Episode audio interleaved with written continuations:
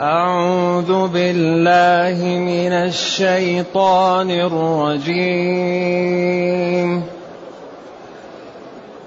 ألم تر إلى الذين نافقوا يقولون لإخوانهم الذين كفروا من أهل الكتاب لئن أخرجتم لنخرجن معكم ۖ لئن أخرجتم لنخرجن معكم ولا نطيع فيكم أحدا أبدا. وإن قوتلتم لننصرنكم وإن قوتلتم لننصرنكم والله يشهد إنهم لكاذبون لئن أخرجوا لا يخرجون معهم ولئن قوتلوا لا ينصرونهم ولئن نصروهم ليولن الأدبار. ولئن نصروهم ليولن الأدبار ثم لا ينصرون. لأنتم أشد رهبة في صدورهم. لأنتم أشد رهبة في صدورهم من الله. ذلك بأنهم قوم لا يفقهون. لا يقاتلونكم جميعا إلا في قرى محصنة أو من وراء جدر إلا في قرى محصنة أو من وراء جدر بأسهم بينهم شديد تحسبهم جميعا وقلوبهم شتى. ذلك بأنهم قوم لا يعقلون. كمثل الذين من قبلهم قريبا ذاقوا وبال أمرهم ولهم عذاب أليم. كمثل الشيطان إذ قال للإنسان اكفر. فلما كفر قال إني بريء منك. فلما كفر قال اني بريء منك اني اخاف الله اني اخاف الله رب العالمين. فكان عاقبتهما أنهما في النار خالدين فيها خالدين فيها وذلك جزاء الظالمين. الحمد لله الذي أنزل إلينا أشمل كتاب وأرسل إلينا أفضل الرسل وجعلنا خير أمة أخرجت للناس فله الحمد وله الشكر على هذه النعم العظيمة والآلاء الجسيمة والصلاة والسلام على خير خلق الله وعلى آله وأصحابه ومن اهتدى بهداه. أما بعد فإن الله جل وعلا يخاطب نبيه وقل له ألم تر يا نبيي بقلبك إلى الذين نافقوا. كعبد الله بن أبي بن سلول وجماعته الذين معه اجتمعوا على النفاق. ألم تر إلى فعل هؤلاء وتتأمله خطورته وشناعته؟ وما يؤدي لصاحبه من العقوبة والورطة والفضائح. إلى الذين نافقوا إلى الجماعة الذين نافقوا وعلى رأسهم عبد الله بن أبي بن سلول حيث يقولون لإخوانهم في الاعتقاد في الكفر لأن هؤلاء كثير منهم من من من الأوس والخزرج وهؤلاء من اليهود. لكن إخوانهم في الكفر والضلال. وعداء الدين. لإخوانهم الذين كفروا من أهل الكتاب.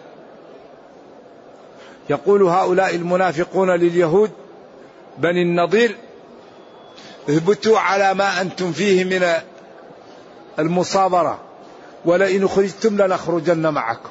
اثبتوا وقاتلوا واجتهدوا في رد المسلمين عن أن يدخلوا حصونكم. ولئن خرجتم وذهبتم نحن نخرج معكم. ولا نطيع فيكم. أيوة لئن أخرجتم أيها اليهود لنخرجن معكم. هكذا يقول لهم المنافقون. اثبتوا فإن جاءكم المسلمون وخرجوكم نحن نخرج لا نبقى وراءكم. ولئن ولا نطيع فيكم أحدا أبدا. إذا قال لنا جماعاتنا أننا نترككم ولا نناصركم ما نطيع فيكم أحدا أبدا. وإن قاتلكم المسلمون لننصرنكم نقاتل معكم ونموت دونكم ومعكم. إذا هذا الكلام يقوله المنافقون لمن؟ لليهود. وهؤلاء عياذا بالله قلوبهم مريضة. ومرض القلب هذا هو أشد الأمراض. امتلأت قلوب اليهود من الحسد. كيف يرسل شخص من العرب ولا يكون من اليهود؟ ونحن الله فضلنا على الخلق واليهود هؤلاء العرب رعاة الحيوان. ونحن أبناء الأنبياء وأبناء الأنبياء وفضلنا الله على العالمين. كيف يجعل منهم رسول؟ لذلك عياذا بالله أصابهم الكبر الكبر. وعبد الله بن أبي بن سلول جاء الإسلام وهو يريد أهل طيبة أن يتوجوه أن يجعلوه رئيسا عليهم. فلما جاء الإسلام لا يكون رئيس فوق الرسل لا يكون رئيس على الرسل. فشرق بذلك ونافق. فأصبحوا يلتقيان في الكفر وفي أمراض القلب. فهم إخوانهم في الكفر وفي النفاق وأمراض القلب عياذا بالله والتكبر وعدم قبول الحق. إذا لئن أخرجتم من بيوتكم وحصونكم لنخرجن معكم ولا نطيع فيكم أحدا أبدا في أننا نخذلكم ولا نساعدكم. وإن قوتلتم يعني قاتلكم المسلمون لننصرنكم. والله يشهد إنهم لكاذبون. هذا كلام بس لكن ما له واقع. لأن الذي جعلهم ينافقون الجبن الذي في قلوبهم أصلا. لو كانوا ليسوا بجبناء ما نافقوا. ما يقول واحد أنا مسلم غير مسلم. الذي يعني يحوج الواحد على النفاق هو الجبن هو الخوف. أما الشجاع لا ينافق. ما يؤمن به يقول وما لا يؤمن به لا يقول.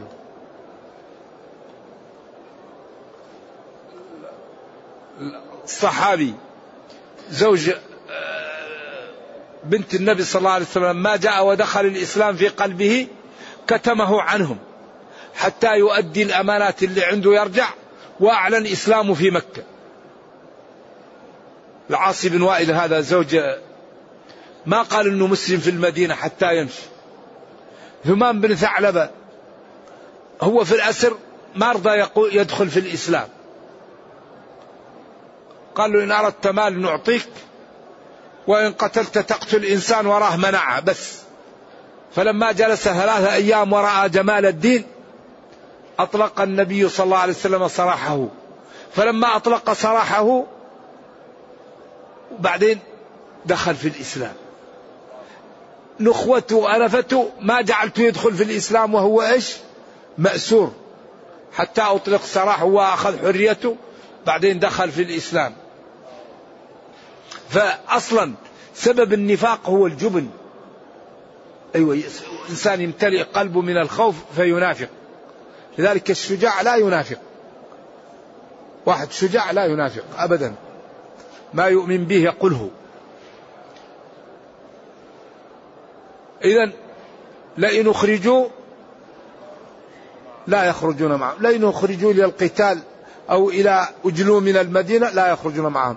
ولئن فرضنا أنهم قوتلوا لا ينصرونهم لا يساعدونهم.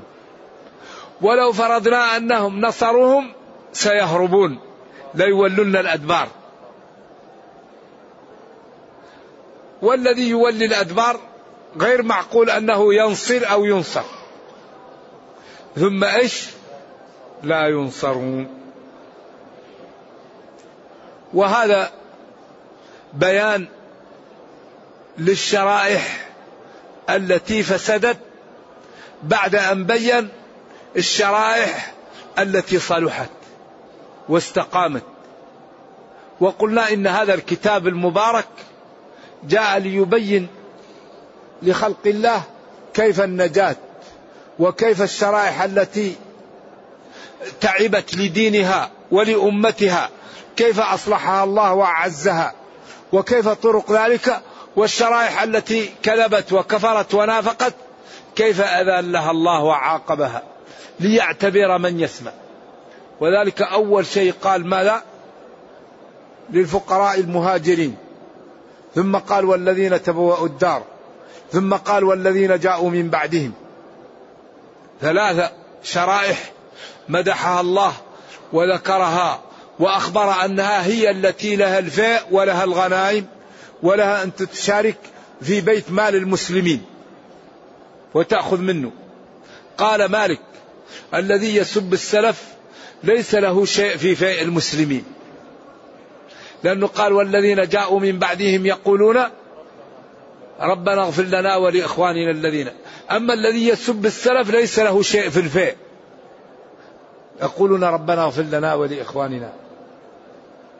ثم بين الشريحة التي نافقت وأسهب فيها القرآن وبينها بيان شافي في أول البقرة وفي سورة النساء وفي سورة المنافقين وفي آيات كثيرة لأنهم استفادوا من الإسلام وهم كاذبون. لذلك هؤلاء أخبر الله أنهم كاذبون فيما يقولون وأنهم لو فرض أنهم قابلوا جيوش المسلمين مع اليهود لانهزموا ولم ينتصروا. ثم لا يولون الأدبار ثم لا ينصرون. ثم أخبر بإخبار يطمئن المسلمين ويبين لهم أشياء لا يطلع عليها إلا الله. لأنتم أيها المسلمون أشد أكثر رهبة خوفا في صدورهم من الله. المنافقون واليهود يخافون المسلمين أكثر من خوفهم من الله. طيب لأنهم الله لا يخافونه وكفروا به ولم يقبلوا شرعه. لأنتم أشد رهبة أي والله لأنتم أيها المسلمون أشد صيغة تفضيل. رهبة خوفا في قلوبهم. شوف لاحظوا ما قال في أدمغتهم في قلوبهم لأن محل الخوف ومحل العقل ومحل الإدراك هو القلب. ما يقوله الفلاسفة غلط. ولكن تعمى القلوب التي في الصدور. ما قال التي في الرؤوس؟ قال أم لهم قلوب يعقلون بها. ما قال أم لهم أدمغة؟ الله يقول أنتم أعلم أم الله؟ إذا ما يقوله الفلاسفة غير صحيح وأتباعهم وأن العقل في الدماغ. هذه مسألة اتفاقية. فظنها الفلاسفة لزومية وهو غير صحيح. لأن الله قال ولكن تعمى القلوب التي في الصدور وقال ألا وإن في الجسد مضغة إذا صلحت صلح الجسد كله وإذا فسدت فسد الجسد كله ألا وهي القلب أو الدماغ أو المخ. إذا هذه نصوص صحيحة صريحة. هم قالوا كل ما اختل شيء في الدماغ في بعض المحلات اختل العقل. إذا العقل في الدماغ. لا. يضرب الدماغ اليد تشتل. نقول اليد هي الدماغ. يضرب الدماغ يفقد الإنسان حاسة الطعم التي في اللسان. نقول اللسان هو الدماغ؟ لكن سلامة الجسم مربوطة بسلامة الدماغ وكل عضو في محله. لذلك القلب هنا وهو أمر معنوي. يمكن يشال قلب إنسان ويحط له قلب آخر ويعيش به ولا يتغير. لأن القلب شيء معنوي. معنوي هذا محله. معنوي. لأن العقل هذا شيء معنوي. زي زي النور زي الكهرباء. شيء يدعه الله في الإنسان. ذلك يمكن يحط للإنسان قلب وقلب اللي أعطاه الله ما ما يروح. مكانه هذا لكن لا يتغير. وبعضهم يقول قد يتغير لكن يحتاج إلى دليل. إذا أنتم أيها المسلمون الكفار والمنافقون يخافونكم أكثر من خوفهم من الله. إذا أكبر شيء نحن المسلمين نهزم بها أعداءنا أن نستقيم على الدين. ذلك إذا سمع الشيطان الأذان ما لا يفعل الشيطان لا يخ... إذا سمع الأذان يهرب. والشياطين إذا سمعوا الأذان يهربون. لأنه الشيطان شيخ الشياطين ومعلمهم. فإذا كان هو يهرب من الأذان تلاميذه من باب أولى يهربون.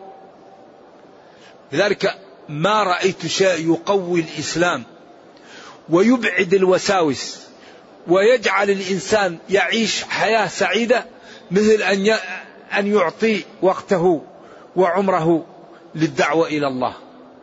الذي يصرف من وقته وماله للدعوة إلى الله الله يقوي إيمانه ويطرد الشياطين عنه. لأن الداعية لا يخاف إلا من الداعية فالشيطان لا يخاف إلا من الدعاة. ولذلك أي إنسان الآن يسكن في الغرب غير داعية ينحل دينه. المسلم إذا سكن في الغرب وهو غير داعية لدينه على طول ينسلخ من الدين وهو لا يشعر. لكن إذا كان داعية الدعوة تسقل. الدعوة تحميه وتسقله وترقيه في الدين والإيمان.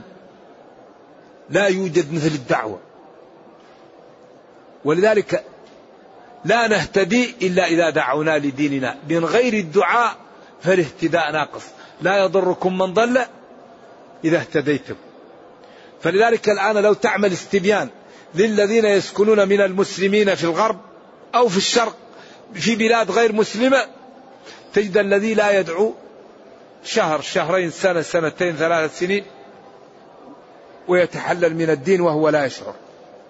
لكن الداعية يروح ويدعو ويتكلم بالدين فيرتقي الإسلام فيرتقي.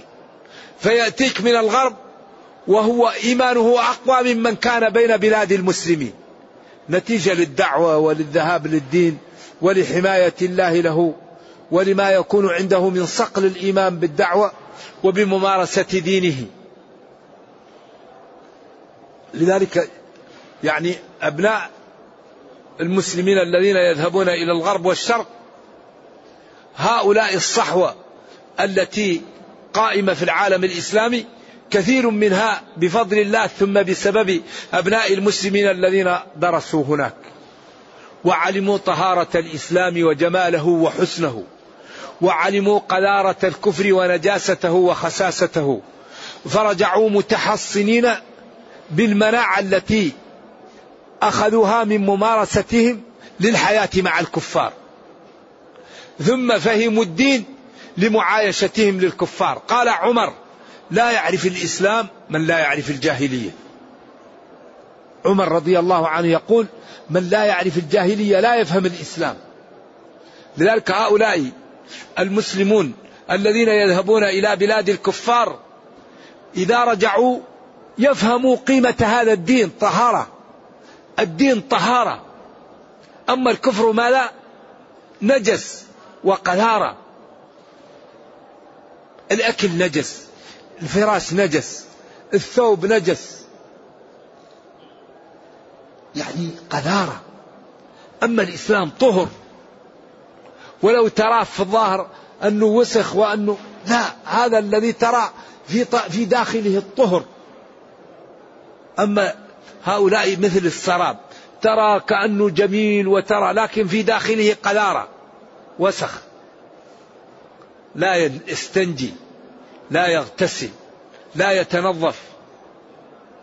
ولذلك قال تعالى ومن أعرض عن ذكري فإن له معيشة ضنكا. ونحشره يوم القيامة يعني. أما الذي يذهب إلى الغرب ويعايشهم شوف حياتهم ضنك. البيت ضيق والسيارة ضيقة والوقت ضيق والواحد منهم لا يرى أهله وأولاده في الأسبوع. إلا في يومين. بقية الأسبوع لا يرى أهله ولا أولاده. هذا يشتغل وهذا يشتغل وهذا ينام وهذا يستيقظ ولا يجتمع الأسرة إلا في يوم السبت والأحد. والحياة ضيقة والأكل ضيق والشارع وكأنهم يساقون عياذا بالله إلى العذاب. أما المسلم عنده الشراح وحياته سعيدة. ووقته كله في سعادة. إذا اشتغل في أجر وإذا نام في أجر وإذا قام في أجر. لأن كل المسلم عمله فيه الأجر. ولذلك كان بعض السلف يقول أطلب في نومتي ما أطلب في قومتي. أنام وأطلب الأجر في النوم كما أطلب الأجر في القيام الصلاة. لأن الإنسان بشر. إذا لم ينام ما يقدر يعيش. فهو يمتثل في النوم أنه ليتقوى على العبادة وعلى الطاعة فيكون النوم فيه الأجر. ولذلك هذا من الفقه. ذلك بأنهم قوم لا يفقهون. لا يفقهون خطورة الكفر والنفاق. ومخالفة شرع الله. وإلا لو فهموا ذلك وعقلوه لما وقعوا فيه. لأنه يسبب لهم عياذا بالله من العقوبة والخزي ما لا يعلمه إلا الله. ثم بين أن المنافقين عملوا مع اليهود كما فعل الشيطان مع الكفار. كمثل الشيطان. ثم بين أن اليهود لا يقاتلون المسلمين مجتمعين في أي معركة إلا في قرى محصنة أو من وراء جدر. هذه جملة جاءت بين الكلام تبين واقع اليهود وأنهم لا يجابهون المسلمين. فإما أن يكون في قلعة أو في دبابة أو في طائرة وأحيانا يسرسلون فيها لأنه إذا خرج يهرب منها. و أو من وراء جدر الجدار. ولذلك ومن أصدق من الله قيلا. لا يقاتلونكم جميعا إلا في قرى محصنة أو من وراء جدر. لشدة الخوف يريد أن يجعلوا بينهم وبين جدارهم جدار. تحسبهم تظنهم جميعا. وقلوبهم شتى وهم بينهم من الخلاف والتعادي ما لا يعلمه الله. ذلك بأنهم قوم لا عقل لهم ولا ولا يعقلون.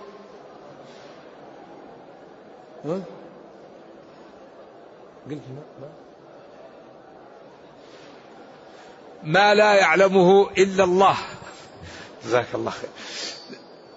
يعني بينهم من الخلاف والعداء الشيء الكثير. قال تظنهم مجتمعين وقلوبهم متفرقة.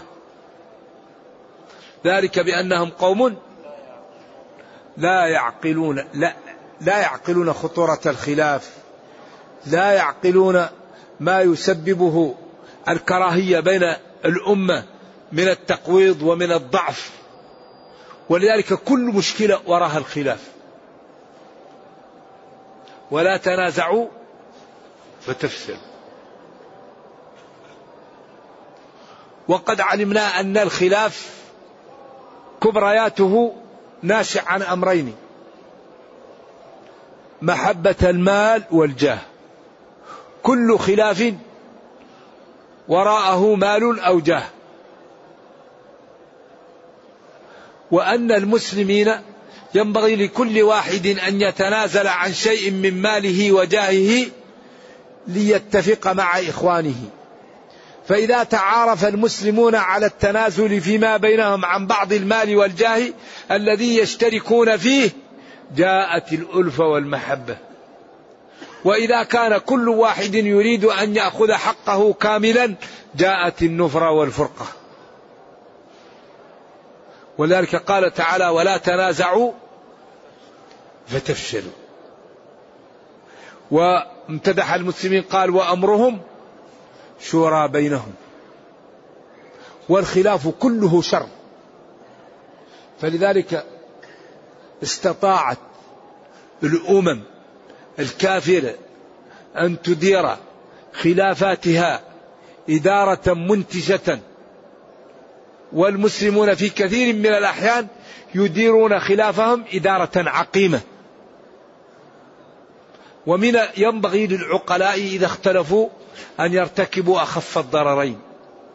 لذلك الآن لو رأيت بعض الدول الكافرة كيف اتفقت وعملت أقوى قوة في العالم اقتصادية لأن هؤلاء تنازلوا وهؤلاء تنازلوا واتحدوا والمسلمون متفرقون ولو تنازلت كل شريحة للشريحة الأخرى عن بعض المصالح واتحدوا لسادوا العالم. ولذلك مدح نبينا صلى الله عليه وسلم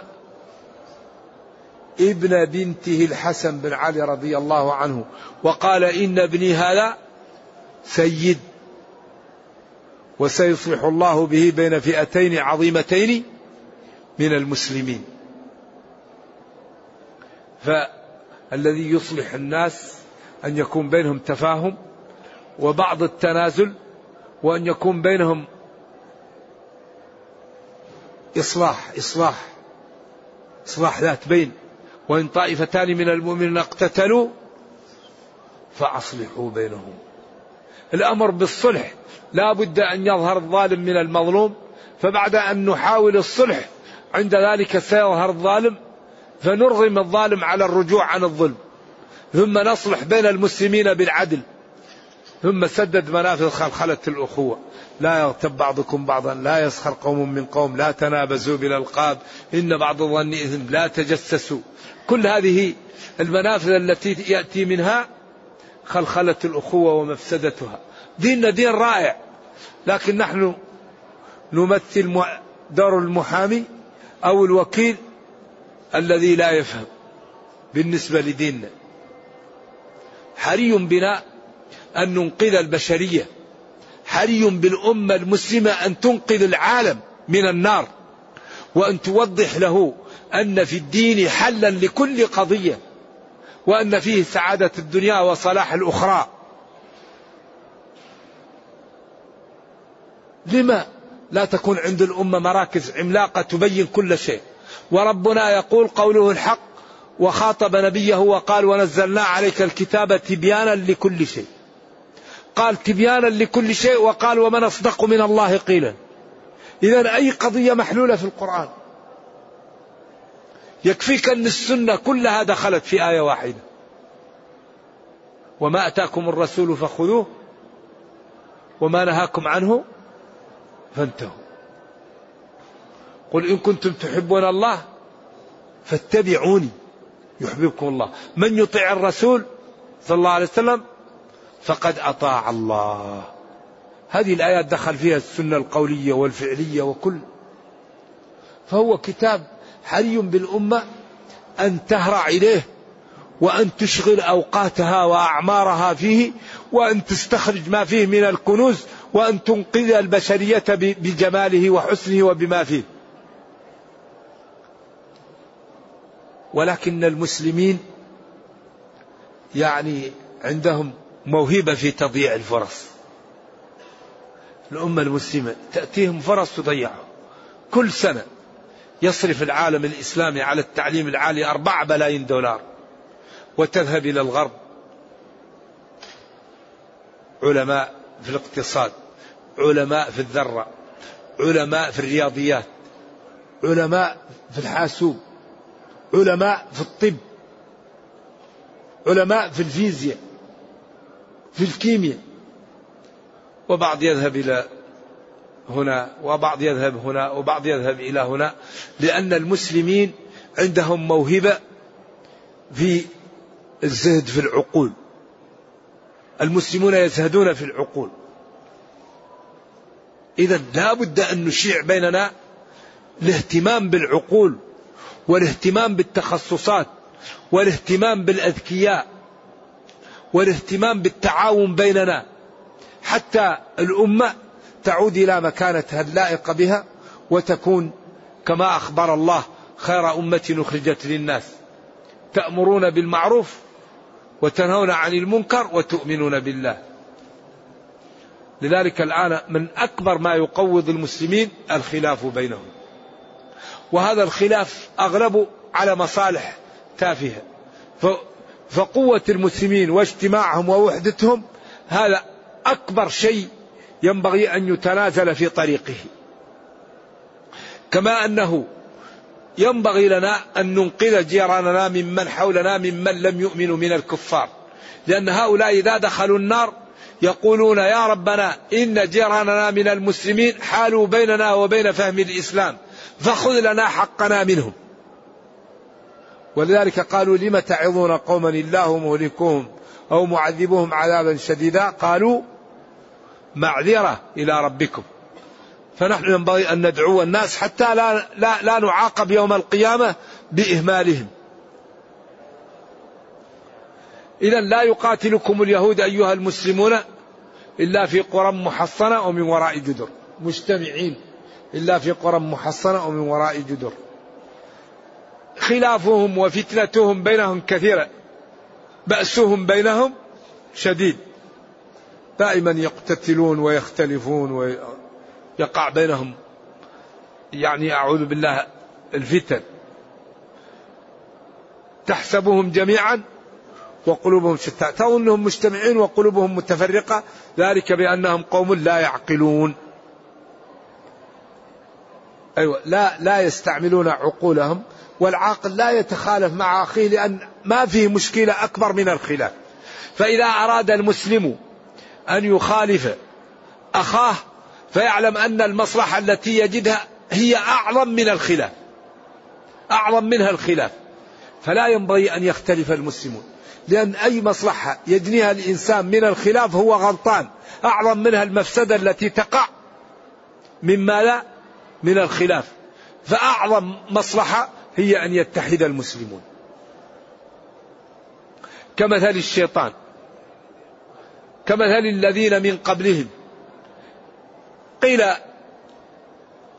بني قينقاع وقيل كفار قريش وقيل هما معا. كان قبلهم بسنتين قريبا. لاقوا وبال نتيجة كفرهم قريش وقينقاع الذين أجلوا قبل ذلك.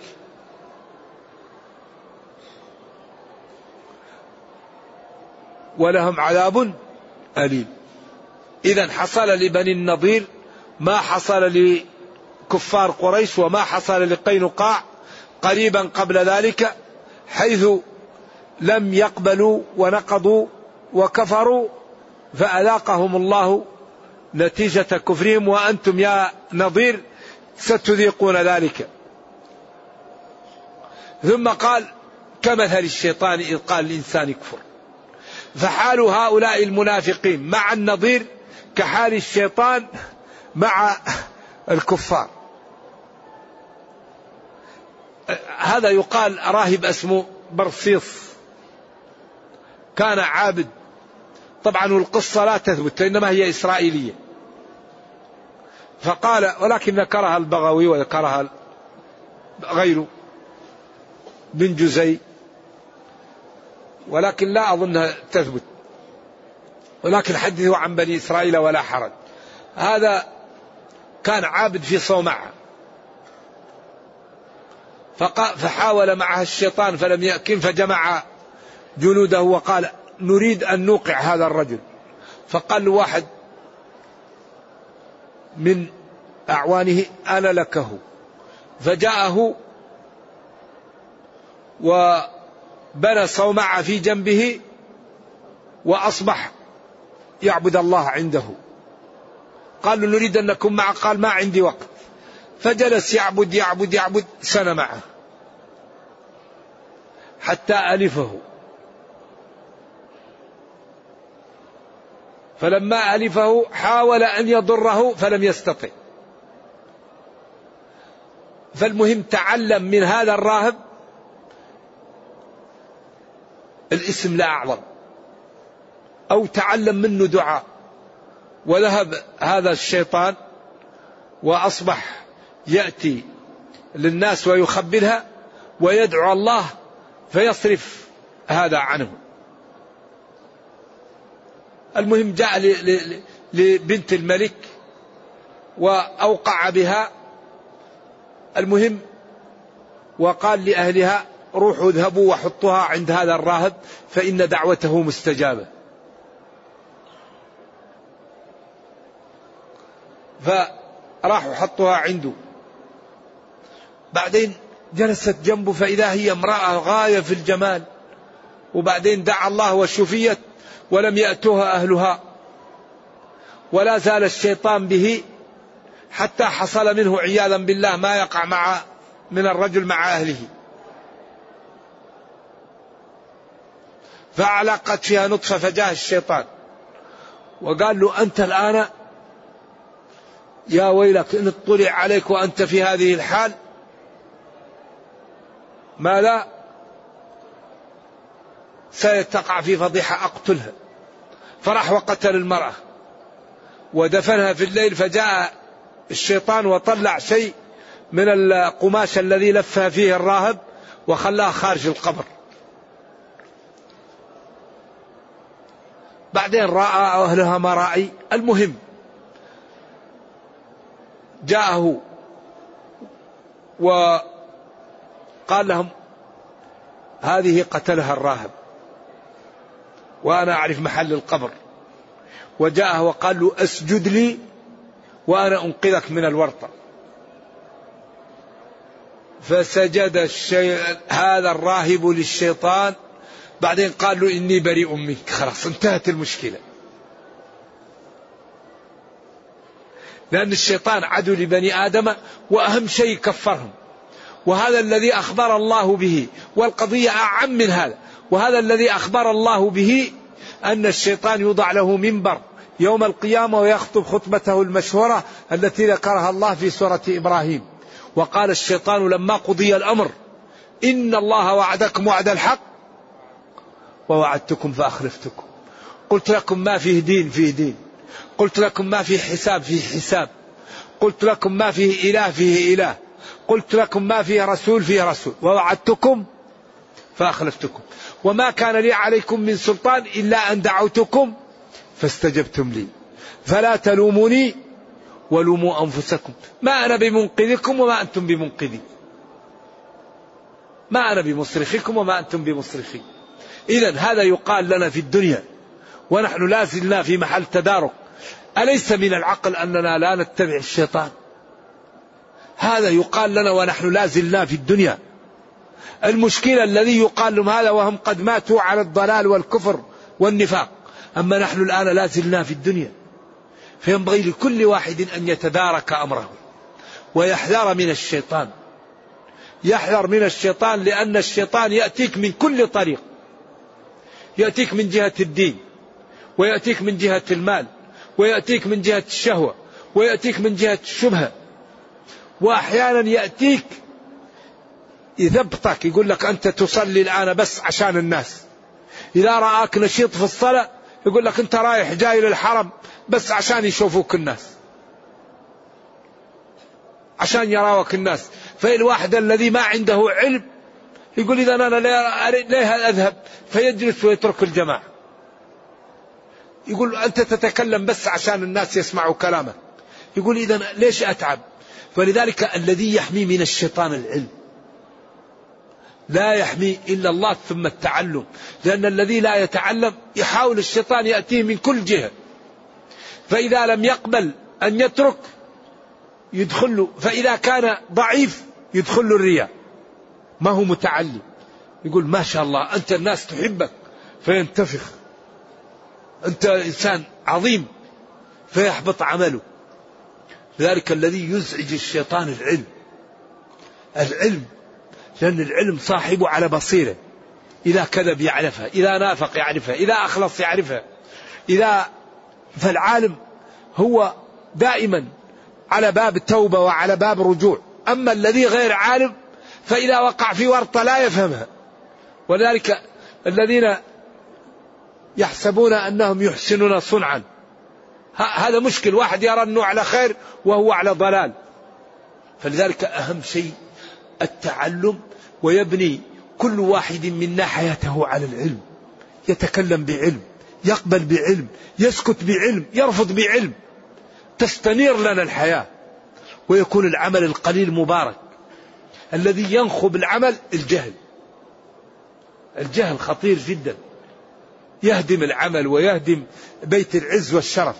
فلذلك أهم شيء نعتني به أن نبني حياتنا على العلم. نتكلم بعلم نسكت بعلم نقبل بعلم نرفض بعلم. فإذا فعلنا ذلك استنارت لنا الدنيا وأصبحنا على بصيرة وأصبح الواحد لو يعمل عمل قليل يأخذ درجته الكاملة. لأنه لا يكون في حظ للشيطان ولا للرياء ولا للسمعة. فالعلم مهم جدا للحياة. فلما كفر قال إني بريء منك. إذا هؤلاء بنو النضير قال لهم المنافقون اثبتوا ونحن معكم. فلما ثبتوا وجاءهم المسلمون وأوقعوا بهم تركوهم ولم يفعلوا بهم شيء. الشيطان يقول للإنسان يكفر فلما كفر قال له خلاص. كفرت بكيفك روح. بريء منك. إني أخاف الله رب العالمين وهو كذاب لا يخاف الله. ابدا وإنما يخاف العقاب لا يخاف ابدا. فكان عاقبتهما نتيجتهما اللي هو المنافق والمعاون له والشيطان أنهما في النار خالدين فيها. وذلك جزاء الظالمين. وهذا ثقل الجمل. هذه الجمل فيها ثقل ومعنى. لأن هذه نتيجة ما أرسل الله به الرسل ونتيجة التكذيب. أن الذي يكذب ولا يقبل أنه في النار. وذلك الذي فيه هؤلاء جزاء الظالمين الكافرين الذين لم يضعوا العبادة في موضعها ولا الأمور في محلها. هؤلاء جزاؤهم نرجو الله جل وعلا أن يرينا الحق حقا ويرزقنا اتباعه وأن يرينا الباطل باطلا ويرزقنا اجتنابه وأن لا يجعل الأمر ملتبسا علينا فنضل. اللهم ربنا أتنا في الدنيا حسنة وفي الآخرة حسنة وقنا عذاب النار. اللهم اختم بالسعادة آجالنا واقرم بالعافية غدونا وآصالنا واجعل إلى جنتك مصيرنا ومآلنا. سبحان ربك رب العزة عما يصفون وسلام على المرسلين والحمد لله رب العالمين. وصلى الله وسلم وبارك على نبينا محمد وعلى آله وصحبه. والسلام عليكم ورحمة الله وبركاته.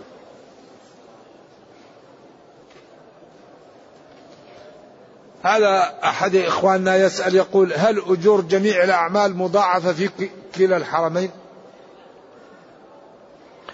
الذي أعلم أن المضاعفة للفريضة في الحرمين. الفريضة. صلاة في مسجدي هذا خير من ألف صلاة فيما سواه إلا المسجد الحرام. وورد في السنن فبمئة, فبمئة ألف صلاة. صلاة في المسجد الحرام بمئة ألف صلاة. أو أفضل من مسجد المدينة بمئة صلاة. تكون بمئة ألف. التي هي خمسة وخمسين سنة وخمسة شهور وسبعة أيام. وصلاة في المسجد النبوي ثمانية شهور من عمر الإنسان. الذي يظهر لي أن المضاعف للفريضة. لما لا؟ لأن نبينا صلى الله عليه وسلم قال صلوا في بيوتكم صلوا في بيوتكم فإن صلاة المرء في بيته أفضل إلا المكتوبة ما قال إلا في الحرمين الشريفين أو في مسجد هذا أو في مسجد مكة مسجد الحرام. فصلاة النافلة إما أنها لا تضاعف في المساجد وإذا كانت تضاعف فهي في البيوت أكثر. نعم. و و ولذا قال لا تجعلوا بيوتكم قبورا. يا فالنافلة في البيوت أفضل. نعم. هل الأفضل المكث في الروضة أم صلاة ركعتي وترك الفرصة لغيره؟ الأفضل أنه إذا استطاع أن يمكث يمكث. لأن ال ال ال العبادات لا يقدم فيها أحد. لكن إذا كان الروضة لا تأتي للجميع فينظر لقضية أن بعض الناس يصلي ويترك غيره يصلي والروضة الأجر فيها غير معروف. ورد ما بين بيتي ومنبري روضة من رياض الجنة واختلف العلماء فيه ولم يصلوا إلى نتيجة ولكن قال كثير من العلماء هذا يدل على فضل هذا المكان. ما بين بيتي ومنبري روضة من رياض الجنة.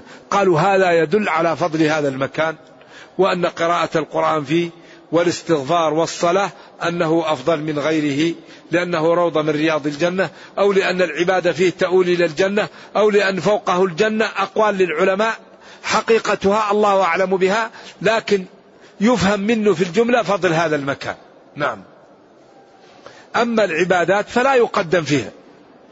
أنت إذا استطعت أن تجلس في الروضة أجلس. وإذا أنت قمت تيجي واحد ويجلس. والأول الأول له. ولذلك إذا جاء واحد للصف الأول ما يقال له هذا واحد يبقى يسافر تعال صلي في الصف الأول. استبقوا الخيرات سابقوا. فكل واحد جاء في الروضة وتقدم. ينبغي أن يترك يجلس. الذي يريد الروضة يأتي أول. يجلس أو ينتظر حتى يخرج. واحد ويجلس فالسابق له المكان والحرم لمن سبق. الحرم لا يمسك. والذي يحط سجادة أو يحط كرسي على محله ليس في هو المصلي. هذا غصب غصب. الذي يروح يعمل حاجاته أو ينام ويحط سجادة هذا المحل غصبه ما هو حقه. هذا للذي جاء أول الذي يملكه. لكن إذا كان يحتاج إلى وضوء وراح للوضوء يحط سجادة يتوضأ ويأتي. أما يروح لبيته وينام ويروح يقضي حاجاته لا ويترك سجادة لا. هذا المحل لا يمسك. يحجزه إنسان بنفسه. أما الذي يضع سجادة هذا لا ينبغي ولا ينبغي للمسلم أن يتخطى رقاب الناس وبالأخص يوم الجمعة. الذي يريد الصفوف الأولى يأتي بدري. ولذلك نبينا صلى الله عليه وسلم قال من جاء في الساعة الأولى فله بدنة بدنة. في الساعة إيش معنى هذا؟ أما الواحد يأتي لي آخر شيء ويتخطى لرقاب الناس والمسلمين هذا أخاف أنه يأثم. ولذلك قال له أجلس فقد آذيت. الذي يريد الصفوف الأولى يأتي, يأتي مبكرا. ويتقي الله في إخوانه. لا يدعس على رقابهم ولا يأذيهم. الدين ليس هكذا. أجلس حيث انتهت الصفوف.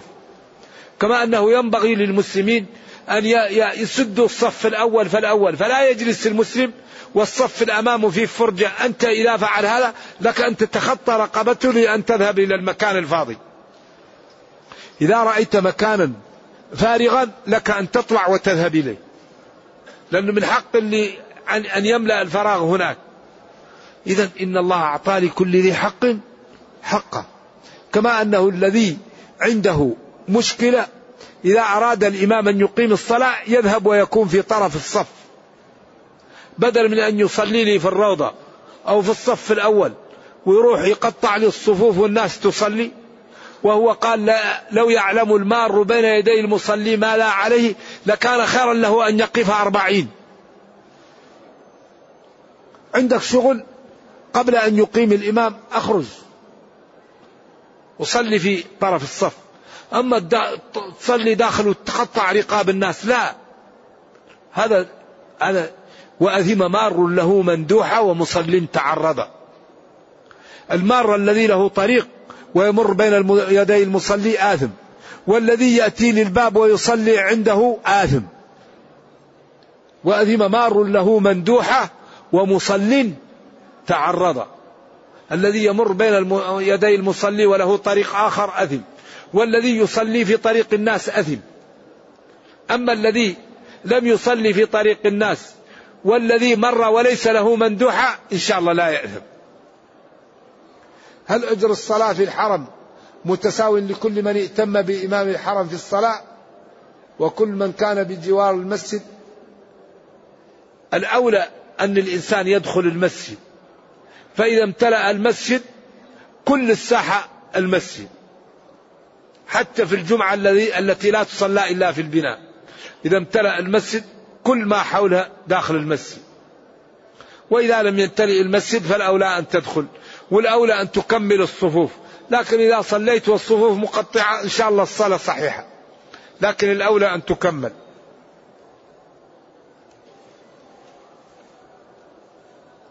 يقول كان يسرق قبل أن يدخل في الإسلام. قال وبعد ما أسلمت تركت هذا والحمد لله. وماذا على ما عملته قبل الإسلام انتهى عنك. الإسلام يجب ما قبله. كل شيء عملته قبل الإسلام انتهى. لكن من باب الاحتياط الإنسان أي شيء يأخذه يرده لأهله إذا كان عندك. لكن أي شيء عمله المسلم قبل الإسلام وأسلم ينتهي. والتوبة تجب ما قبلها لكن الحقوق الأولى أن ترد لأصحابها. يقول في الآونة الأخيرة بدأنا نلحظ ضعف القيم كالحياء والعفة وغيرها مع انتشار أجهزة الاتصال. تذكير الناس بهذا. في هذا الزمن الذي ينفع بإرادة الله تعالى وقدره هو إدخال الإيمان في قلوب الناس. لأن الآن وصل العالم من الرقي ومن سهولة الوصول إلى ما يشتهي الإنسان من الحرام والمشتبه أمر هائل. إذا الذي ينفع الآن هو أن ندخل في قلوب الناس الإيمان. هذا الذي يقاوم هذا. فإذا أدخلت الإيمان في قلب الشاب والشابة إذا جاء الشياطين وغلقوا الأبواب وقالوا هيت لك ما لا يقول؟ يقول معاذ الله إنه ربي أحسن مثواي. فلا ينفع في هذا العصر إلا إدخال الإيمان في القلوب. يعني معرفة القيم. الله مطلع عليك. والذنوب تسبب للإنسان الأمراض. وخصوصا الذنوب الخلقية الأعراض دائما تسبب الأمراض التي لا علاج لها.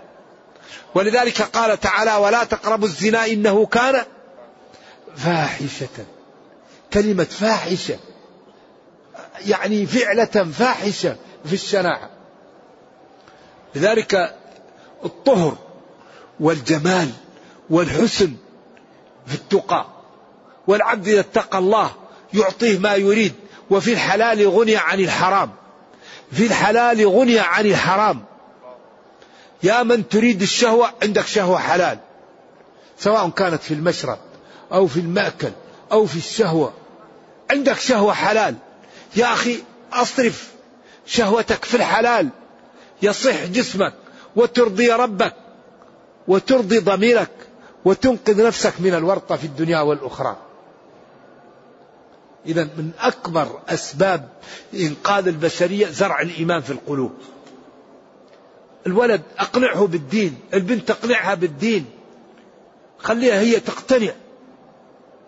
هذا يعني الله لا لا تخفى عليه خافية. والشياطين هم الذين يريدون تضليل الناس. ف والله هو الذي يهدي. كم من إنسان الآن يعيش بين الكفار وهو أكثر استقامة ممن يعيش بين المسلمين. ولكن الله يمن على من يشاء من عباده. الله يمن علينا بالطاعة.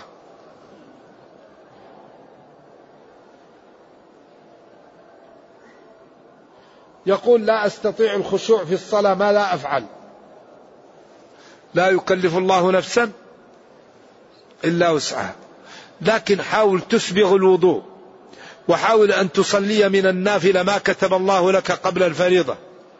وحاول أن تأتي للمسجد قبل أن تقام الصلاة. وحاول أن تجلس في المسجد بين الصلوات القريبة بين المغرب والعشاء. وحاول أن تسأل الله وتستغفر وتتضرع وتتصدق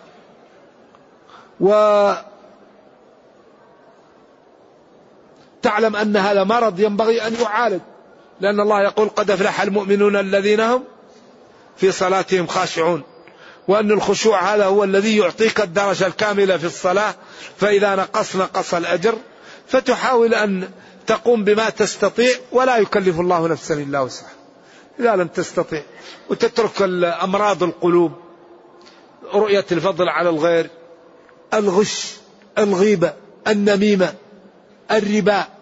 كل هذه أمراض أكل الحرام. كل هذه تسبب أمراض القلوب. أكل الحرام يسبب مرض القلوب. الغيبة تسبب مرض القلوب. رؤية الفضل على الغير. في أمراض خفية تسبب للقلب يكون فاسد. ذلك الإنسان يراقب نفسه بنفسه. تجلس في البيت لحالك تصلي. تحاول أنك تصلي ولو ركعتين في بيتك لا يدري عنك حد. خذ مصحف واجلس في غرفة لحالك أقرأ قرآن. اجلس اللهم اغفر لي اللهم تب علي. اللهم ارحم اللهم اصرف عني ما في قلبي من الغل ومن المرض ومن عدم الخشوع. والله يقول ادعوني أستجب لكم. كما أن الإنسان إذا مرض يذهب للطبيب ينبغي إذا جاءه قساوة القلب يذهب إلى الطبيب يذهب إلى العلماء. يقول هل الخلاف كله شر أم فيه رحمة؟ وهل اختلاف الأئمة الأربعة شر أم رحمة؟ الخلاف بين العلماء رحمة لأنهم يختلفوا فالإنسان يكون مضطر يأخذ بقول هذا. لذلك الآن المرأة إذا كانت حائض وعندها رفقة وتريد تسافر. طيب يا تذهب بدون طواف الإفاضة تذهب بدون حج يا تطوف وهي حائض. طيب فبعض العلماء نظر إلى أن الدين كل ما في حرج. أكبر شيء الكفر إذا اضطر الإنسان إلى كلمة الكفر إيش؟ يقولها. ولكن من شرح بالكفر صدرا. الميتة حرام إذا اضطررت إيش؟ كل. وقد فصل لكم ما حرم عليكم إلا ما اضطررتم إليه. قال كل شيء اضطررت له إذا أنت المرأة إذا اضطررت إذا تطوف واحد يريد أن يطوف. طيب وهو كل ما طاف كان الطواف مليء بيش بالنساء تلمسك المرأة. عند الشافعي لمس ينقض الوضوء في قول عنده. عند أبي حنيفة اللمس لا ينقض الوضوء. عند مالك وأحمد إن طلب اللذة أو وجدها انتقض وضوءه. طيب الآن وأنت شافعي لكن تريد أن تطوف ولا يمكن إلا تلمسك امرأة. تأخذ بالقول الثاني عشان تقدر تطوف. إذا هذا الخلاف في رحمة وفي توسعة لكن ما يأخذ الإنسان ويلفق لي إذا لفق بين المذاهب هذا يسبب الزندقة. يأخذ من هنا حكم ومن هنا حكم ومن هنا حكم. ويرى امرأة ويقول لها تعالي. ويروح بها ويقول هذه زوجتي. ما دفع مهر ولا أتى بولي ولا أتى بشهود. لأنه أخذ من هذا جزء وأخذ من هذا جزء وأخذ من هذا جزء ولفق. هذا ما يجوز هذا أصبح زندقة. ولذلك قال التلفيق بين المذاهب لا يجوز. لكن إذا اضطررت لمسألة في مذهب خذ بها. والله غفور رحيم. والله يعلم المضطر من غير المضطر. وربك كريم. نرجو الله أن يتوب علينا.